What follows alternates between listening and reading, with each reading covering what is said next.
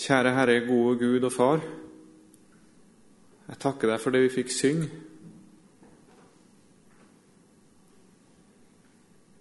At du, Herre, er en forsona Gud.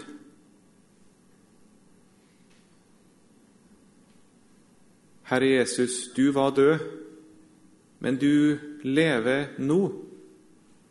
Du ligger ikke i grava, død og tapt under synd. Men du har seira over synd, over død og leve. Herre, takk for at også jeg skal få leve. Og jeg ber, Herre, inngyt ditt liv i oss.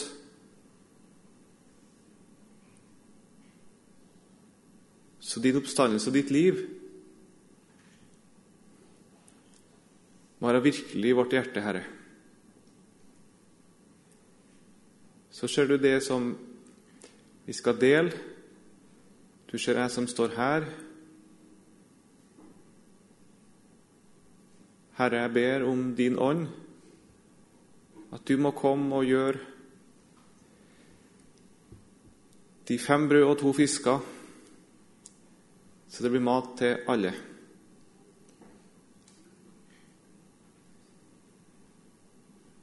Amen. Vi leser fra Lukas 24, som er teksten som er satt opp i dag. Vi skal ikke gå så veldig mye inn i selve teksten, men vi skal lese den til å begynne med. Vers 1.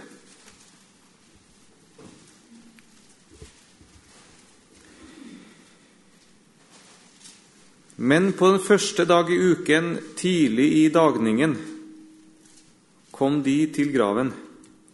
De hadde med seg velluktende urter som de hadde gjort i stand. Men de fant stein rullet for graven. Og da de gikk inn, fant de ikke Herren Jesu legeme. Og det skjedde, mens de sto der i villrede om dette, se, da sto to menn hos dem, kledd i skinnende klær. Kvinnene ble forferdet og bøyde seg med ansiktet mot jorden. Da sa mennene til dem:" Hvorfor søker dere den levende blant de døde?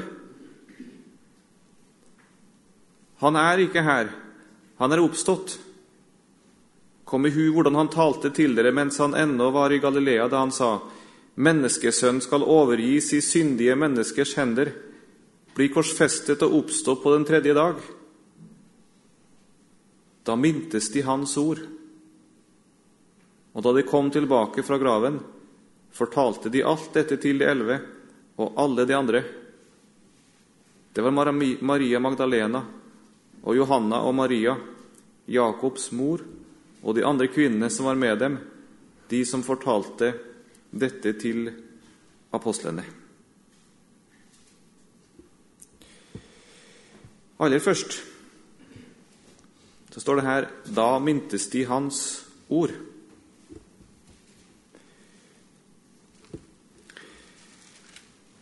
Jesus leser vi gjentar det mange ganger på nytt og på nytt. Jeg skal overgis i syndige menneskers hender.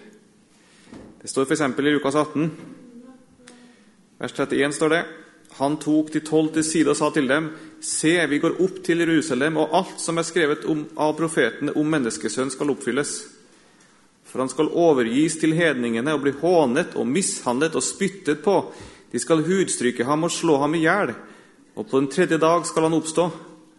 Men de forsto ikke noe av dette, og dette ord var skjult for dem, og de skjønte ikke det han sa. Er ikke det rart? Han gjentok det mange ganger, flere ganger. Men de skjønte det ikke. De forsto det ikke. Han sa det jo så eksplisitt og så tydelig. Se, vi skal opp til Jerusalem. Og der skal menneskesønnen bli mishandla og spytta på. De skal hudstykke, de skal slå han i hjel. På den tredje dag skal han oppstå. De fikk det fortalt på forhånd. Men når de er der, så skjønner de det ikke. De forstår det ikke. De skjønte det ikke i forkant, de skjønner ikke når det skjer. Er ikke det rart? Det var skjult for dem. De skjønte ikke det han sa. Merkelig. Merkelig.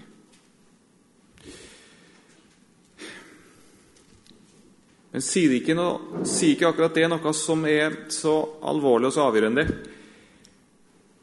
At det vi her snakker om, det må åpenbares for deg. Du kan sitte og høre, og, for, og høre det her, akkurat som disiplene. Du kan høre det. Det kan gjentas for deg, fortelles til deg hvordan det henger sammen. Men du skjønner det ikke. Det er skjult for deg hvis ikke Gud åpenbarer det for deg. De skjønte det ikke, det var skjult for dem. De forsto ikke noe av det. Det hjelper ikke om du, om du hører og forst, om du hører og hører og hører. Hvis du ikke, det, blir, det som blir skjult, blir trekka til side, så du ser. Det må åpenbares. Det var skjult for dem. Og Enda tydeligere synes jeg det er når vi, når vi ser på eh, hvordan yppersteprester og fariseere behandler Jesus. De ser han gjør under. De ser han gjør tegn og under som, som er utvilsomt bevis at han er fra Gud. Ja, det sier jo Nikodemus.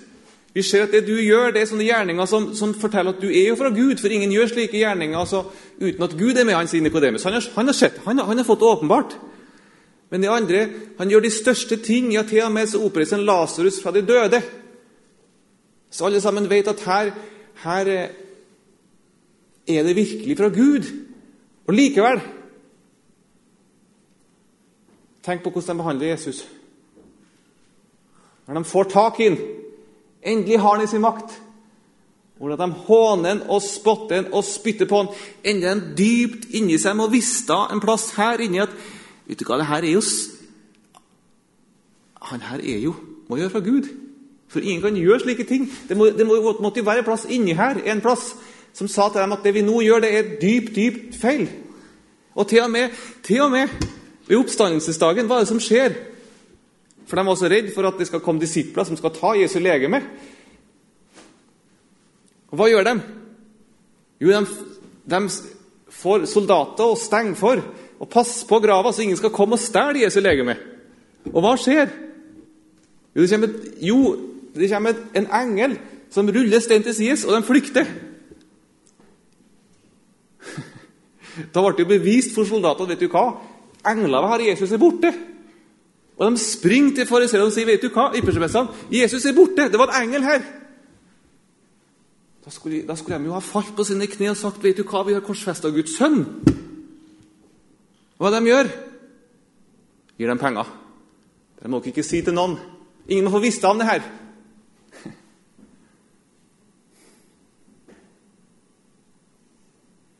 Er det ikke forskrekkelig? De har fått så klare bevis og tegn på at det her er Guds sønn. Det var ikke tvil. Likevel de gjør alt de kan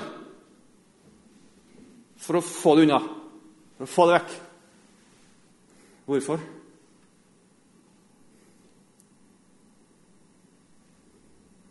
Fordi Jesus talte et ord til deres samvittighet som de ikke bøyde seg for. Jesus pekte på den svikt i deres liv som de ikke ville erkjenne. Da var de så fromme. Jesus kom til det mest gudfryktige folk som fantes på jord. De var så gudfryktige. De hadde så mye kunnskap, så mye visdom. De var så på vakt for den rene, sanne lære og for alt. De var så gudfryktige, for, de var så nidkjære for Herrens, Herrens ære. De var så nidkjære for at ingen skulle spotte Gud. Det var det Jesus var dømt for, for den spotta Gud. Til verden for et lys og forstand de hadde. Men de var ikke sann. De var ikke sann i sitt hjerte. De ga ikke Gud rett.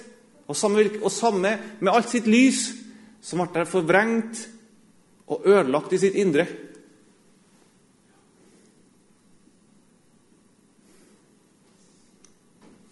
Jeg syns det er alvorlig. Jeg syns det er sterkt. Samme hvor stort lys jeg har, hvor nidkjær jeg er for Herrens sak, hvis det ikke er sannhet i mitt hjerte til hjertets dyp, så kan jeg bli som en fariseer og en ypperste prest og en skriftløs som korsfester Jesus for meg. For jeg gir ham ikke rett i mitt liv, så jeg blir blind og ikke ser noen ting.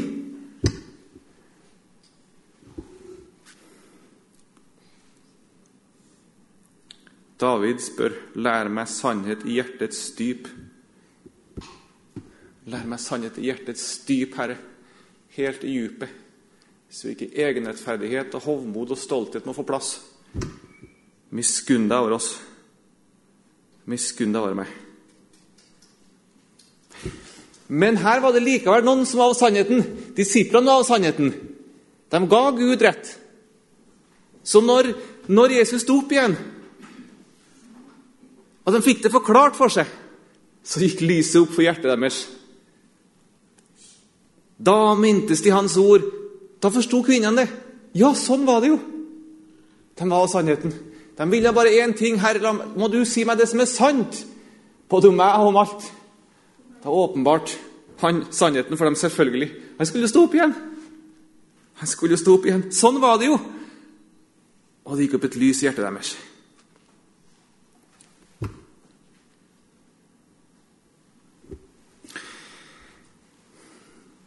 Vi kjenner historien. Vi skal ikke gå inn på historien på påskedag.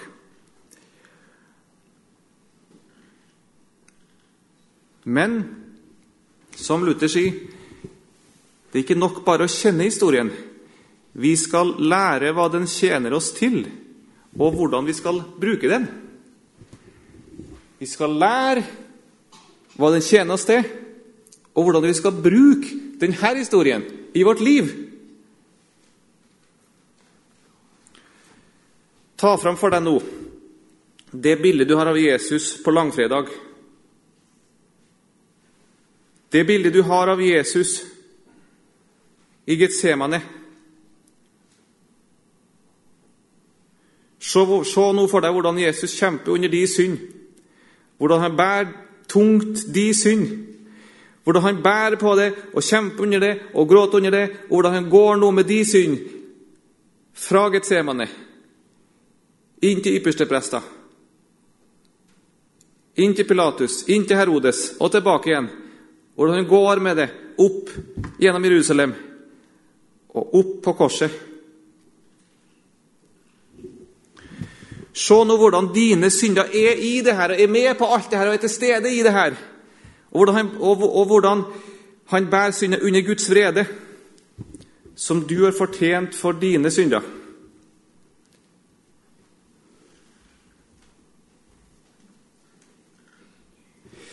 Hold fram for deg det bildet av Jesus på korset, i dom og død og grav. Og innprent nå hjertet ditt at de ligger der, og at han har betalt for dem.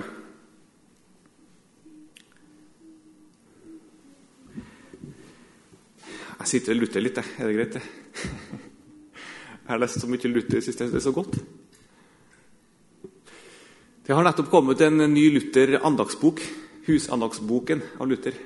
Vi har den på huset her. Den anbefales å kjøpes. Det er, så, det er så fint. Han sier det sånn La dine synder ligge på Jesus. Intet sted kan de ligge så godt uten at de kan plage deg, hindre, anfekte og hemme deg. La dem ligge der. Og så Hvor lenge varer det her bildet som du nå ser for deg? Der Jesus går med de synd. Hvor lenge varer det? Varer det til evighet? Nei, tre dager senere så er det et nytt bilde som kommer fram. Og Nå er det ikke lenger sorg og synd og død og vrede. Men nå er det snudd. Nå er det trøst. Nå er det frimodighet. Nå er det seier. Nå er det jubel. Nå er det slutt på sorg og nød, og det er slutt på synd nå. Er det ikke det? På første påskedag? Er det ikke slutt på synd? Er vi ikke ferdig med synd, da? Er vi ikke det? Holder Jesus på med synd fortsatt? Han er ferdig med det. Synda si tid er over nå.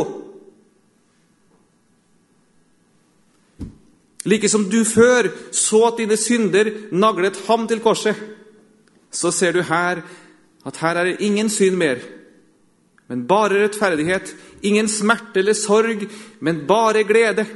Ingen død, men bare liv, ja, evig liv. Dette bør stemme oss til glede.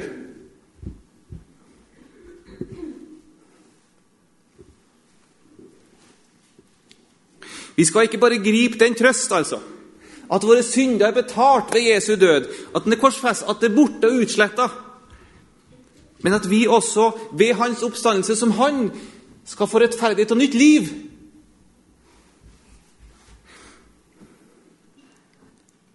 Derfor skal vi flittig og vel betrakte dette gledelige, yndige og trøstefulle påskebildet, for i dette er verken synd eller død.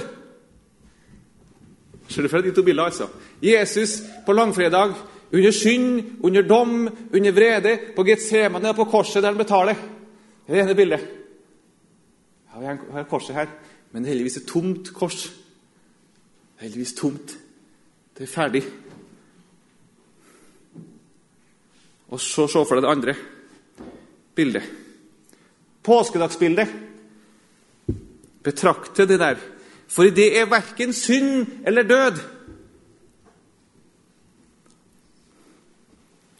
Korsets merke, det er herlig.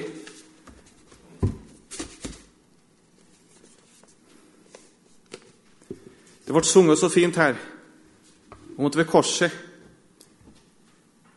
Det er mitt sted. Det blir min synd betalt. Jeg husker jeg hørte en skjærtorsdagspreken da vi bodde i Førde, av en Frank Jacobsen i Danmark. og Han brukte sånne store, flotte ord om det her.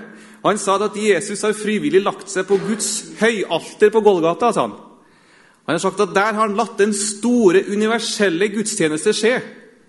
Hvor han ofra sin kropp som et eviggyldig offer for hele verden. Altså, det store ord, syns du ikke det? Stor, en stor, universell gudstjeneste har skjedd. Sant? En stor, universell gudstjeneste hvor han ofrer sin kropp en gang for alle. Og gir et eviggyldig offer for hele verden. Det er evig, det er for alltid, og det er for hele verden. For der på Gårgata holdt han frelsesgudstjenesten for hele menneskeslekten, sa Frank Jacobsen. For der på Golgata holdt han den store frelsesgudstjenesten for hele menneskeheten. Det var store ord der jeg satt og hørte. Eh, da vi bodde i Førde, så, så, var det et stort fjell. Ikke sånn rett foran, men det var liksom en, kanskje en kilometer eller to-tre over. Det var i hvert fall utsikt mot et stort fjell. Jeg husker jeg satt og kikka på fjellet da jeg hørte den preika her. Og når jeg hørte det, så ble det som fjellet ble helt nytt. Det ble så annerledes. Det ble liksom så, Til og med fjellet var med i det her. Det var liksom så Alt sammen fikk en ny glans. For det skjedde noe for hele menneskeheten. Det skjedde et stort, eviggyldig offer som er evig, og som anbegår alle som universelt. Jeg kommer liksom ikke unna det. Ikke engang fjellet kom unna det. Hvis går an å si det så banalt. Alt er liksom nytt. Alt er forandra. Det skjedde et offer på korset. På korset. Der ble offeret. Det er det gjort. Der har Gud, Jesus, gjort sin store, universelle gudstjeneste. Vi er, eller jeg skal i hvert fall ønske, at vi er langfredagskristne. Som kan se der på korset og si der er det, det er gjort. Det er ferdig, og jeg er en del fordi jeg er menneske. Hvem var det som fortalte var det på talerstolen her, det, tror du? En som, fortalte, en som sa at det var en som var på en båt over Var det noen som sa det? En, som var på, en, vei, en forkynner som var på vei over, over, over, til Amerika i båten. Og så han, gikk han rundt, og han ble, han ble, så glad, for han skjønte det her at, at For så Gud elsket verden, at han ga sin sønn den enbårne. Og så gikk det sånn opp for at, at, at det her er jo for verden, og jeg er jo på, i verden. Og så gikk han på båten og så sprang han at Tenk, jeg er et menneske, jeg er i verden! Jeg er i verden! Gikk han på båten der ute mellom, mellom dammen mellom Norge og USA og, og sprang og var så glad. Jeg er jo jeg, takk, jeg er i verden! Og De syntes han var litt rar som sprang, og syntes han var så rar som sprang der på båten og sa han var så glad for at han var i verden. Ja, men sånn er det. Du er i verden. Du er et menneske, og det offeret skjedde for deg. Et stort, evigildig offer. Fordi du er menneske, så er du med i det her. Du kan ikke springe unna det her. Du kan ikke springe unna det faktum at din synd er betalt på Golgatas kors. Vi er, vi er langfredagskristne.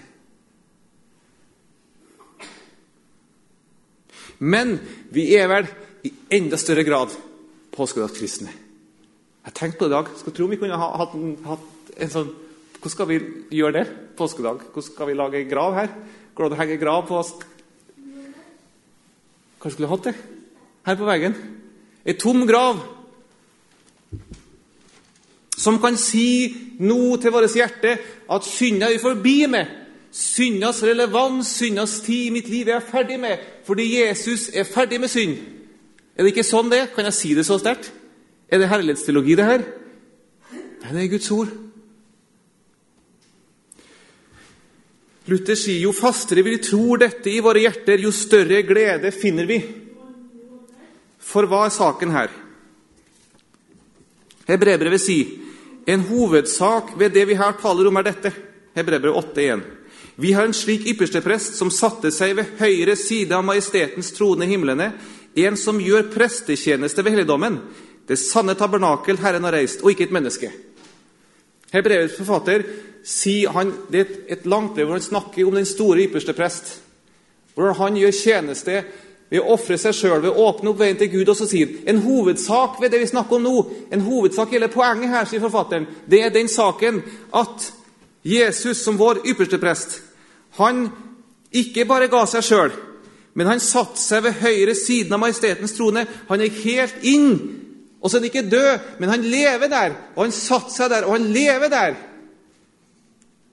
Og der gjør han prestetjeneste. Og Så sier han videre i 9.24.: For Kristus gikk ikke inn helligdom som var gjort med hender, og bare er et bilde av den sanne helligdom. Han gikk inn i selve himmelen. For nå å åpenbares for Guds åsyn for vår skyld. Jesus sto opp igjen.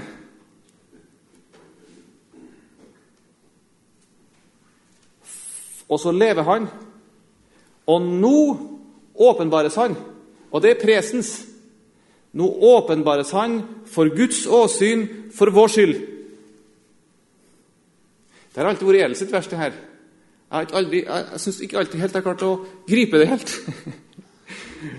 Men så leste jeg i dag i Rombrevet 8,34. Der står det hvem er den som fordømmer?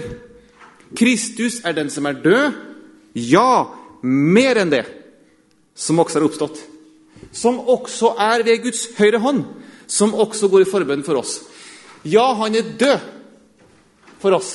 Hvem, hvem er det som fordømmer? Utgangspunktet her nå. Spørsmålet er hvem fordømmer oss? Hvem anklager meg nå? Hvem som anklager deg? Hvem anklager deg?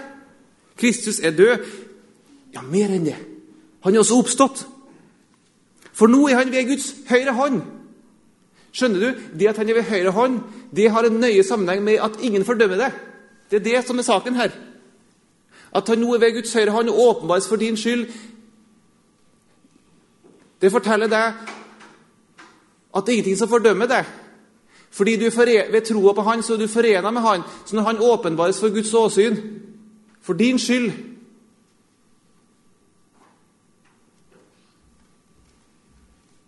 så er hans rettferdighet din rettferdighet. For den er ikke død, han lever. Det er en levende rettferdighet, en levende frelser, som du er forena med. Det er som om den det er som en stadig strøm av åpenbaring av din rettferdighet for Guds åsyn. Når du kjenner på, på synd og fordømmelse og samvittigheten anklager deg, så det som det åpenbares en, en rettferdighet hele tiden, en kontinuerlig åpenbaring av rettferdighet der oppe. Der oppe, ved Guds høyre hånd, åpenbares det. En rettferdighet. Der gjør han hele tida prestetjeneste ved å være rettferdig, ved å være ren, ved å være hellig. Og så åpenbares det hele tida rettferdighet over mitt liv. Hele tida renhet over mitt liv. Fordi syndens tid er ferdig. Jesus var ferdig med synden, sto opp igjen. Han var ferdig på Golgata.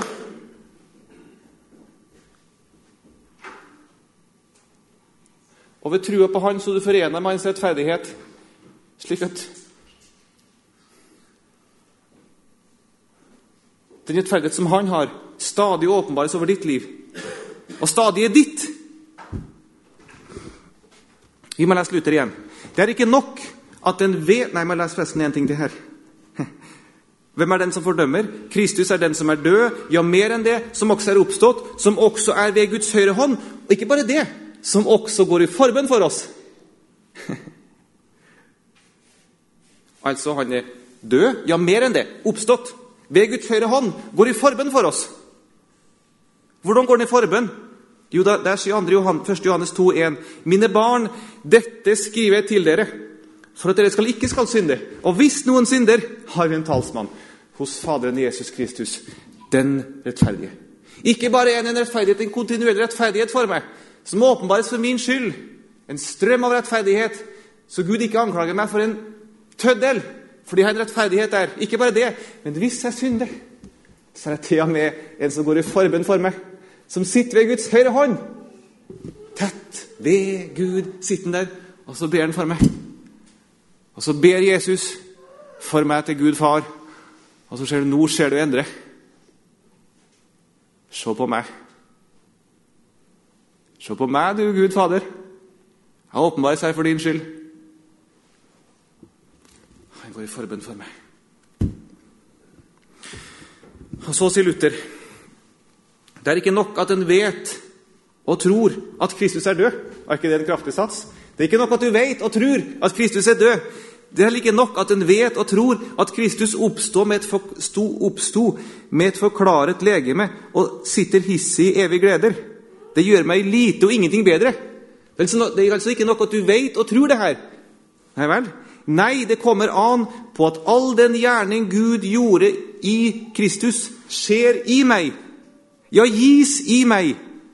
Så hans oppstandelse virker slik i meg at jeg oppstår med ham og blir levende.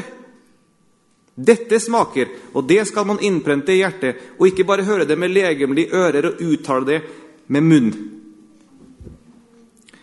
Det kommer altså an på at all den gjerning Gud gjorde i Kristus, skjer i meg, ja, gis i meg, så hans oppstandelse virker slik i meg at jeg oppstår med ham og blir levende.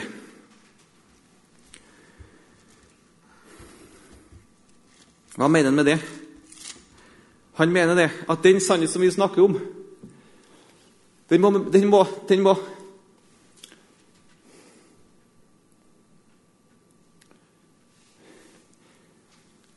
Den må gripes med mitt hjerte som en trøst og som et håp, og gjøres bruk av det. Så du som her nå kan gjøre bruk av det og si til deg sjøl det, det er ikke bare noe som er sant, men det er sant for meg, det er virkelig for meg. Jeg er virkelig på, men, jeg er virkelig, jeg er virkelig på jorda. Han er oppstått, og han er her og nå. Levende for mitt åsyn her og nå. Da er det, skjer det i deg. Da gis det i deg. Og så kan du si til deg sjøl som Jesus er ferdig med synd, som Jesus er ferdig på korset med synd, og står opp igjen og lever nå Ved trua på Han så er også jeg ferdig med synd. Sånn skjer det i deg. Sånn gis det i deg. Og så nå er jeg ferdig med synd.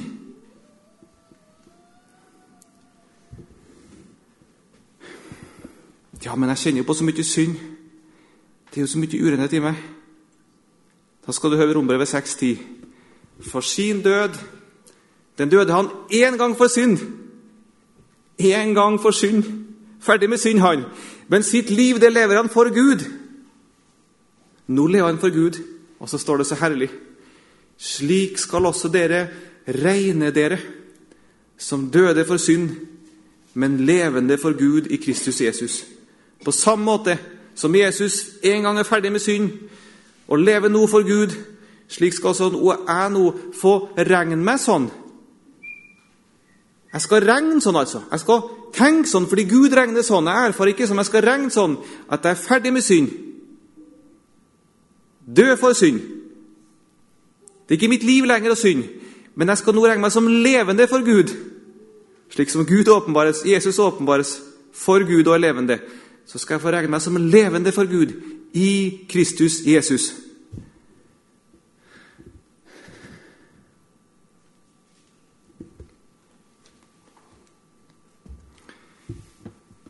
Ja, men jeg kjenner sånn på synd. Jeg, jeg får ikke til å tro. Jeg får ikke til det her. Så sier Luther altså virker troen at den som tror at Kristus har tatt bort synden, er også like som Kristus uten synd. Jeg skal få slippe å streve med om jeg forstår det, eller skjønner eller føler det, eller kjenner eller tror det. Jeg skal bare få lov til å tenke det her er, er det sant? Ja, det er sant. Da syndene jo tatt bort.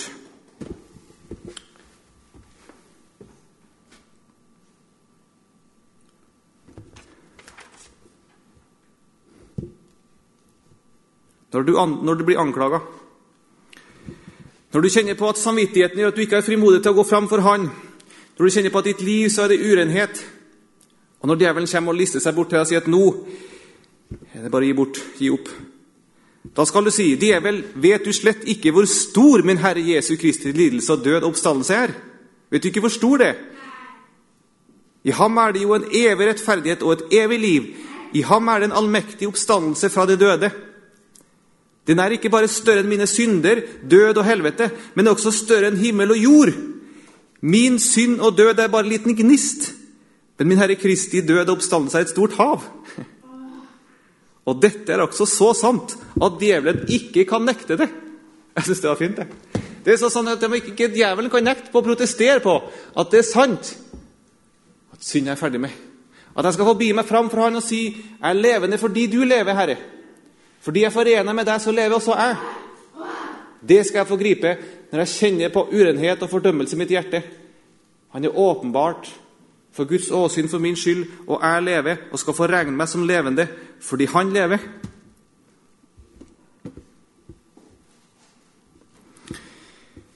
Det er mange vakre fine navn på Jesus. Jeg syns det beste er ordet stedfortreder.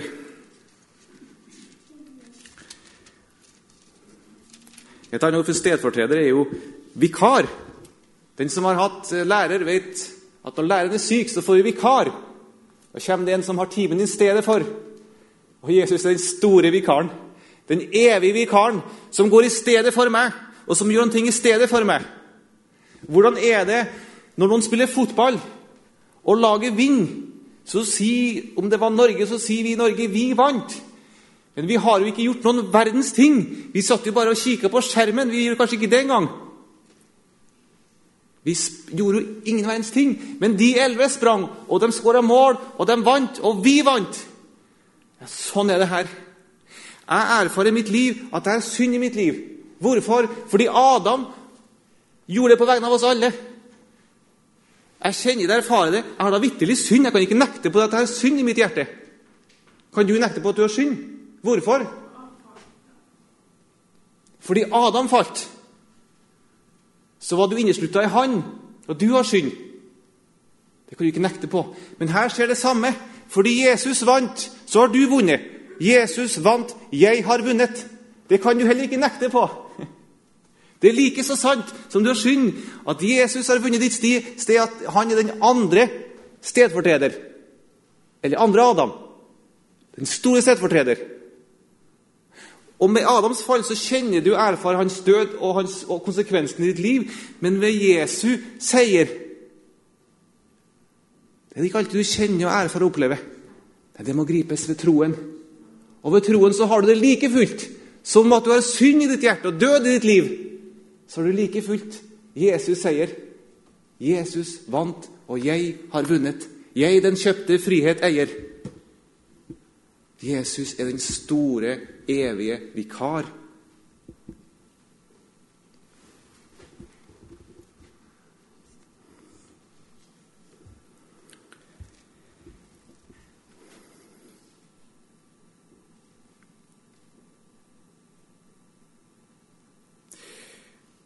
La oss til slutt bare avslutte med Hebreerbrevet 9. For så sant vers 13 og 14. For så sant blodet av bukker og okser og asken av en kvige helliger til kjødets renhet når det blir stenket på dem som er urene, hvor meget mer skal da Kristi blod, han som i kraft av en evig ånd bar seg selv fram for Gud som et lyteløst offer, rense vår samvittighet, så vi kan tjene den levende Gud. Ser du hvordan din samvittighet nå kan bli rensa Ved trua på Han, ved å tro på at det som Han sier, er sant, så kan du forbi deg fram og si, 'Herre, du fordømmer meg ikke. Ta mitt liv. Jeg er levende. Jeg byr meg fram for deg, akk så skrøpelig som jeg er.' Og med alt jeg er, alle mine fall og nederlag og svikt, så byr jeg meg fram for deg som den som er levende. Ta du mitt liv, så jeg kan tjene deg, Herre.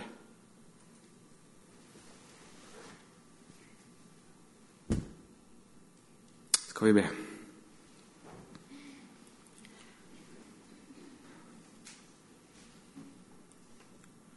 Kjære Herre Jesus, du min Herre og Frelser. Du som gjorde den evige, store frelsesgudstjeneste i mitt sted. Du som bar så tungt, Herre.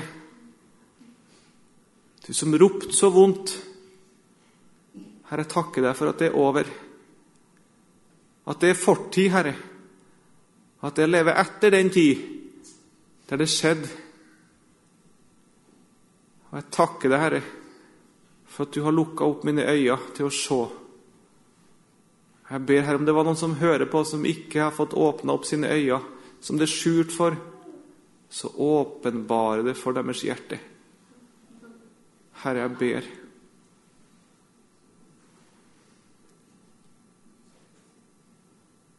Herre, jeg ber om nåde til å få leve. Troens liv på deg, Herre, og by meg fram som levende, sånn som du er levende. Herre, miskunn deg over oss. Amen.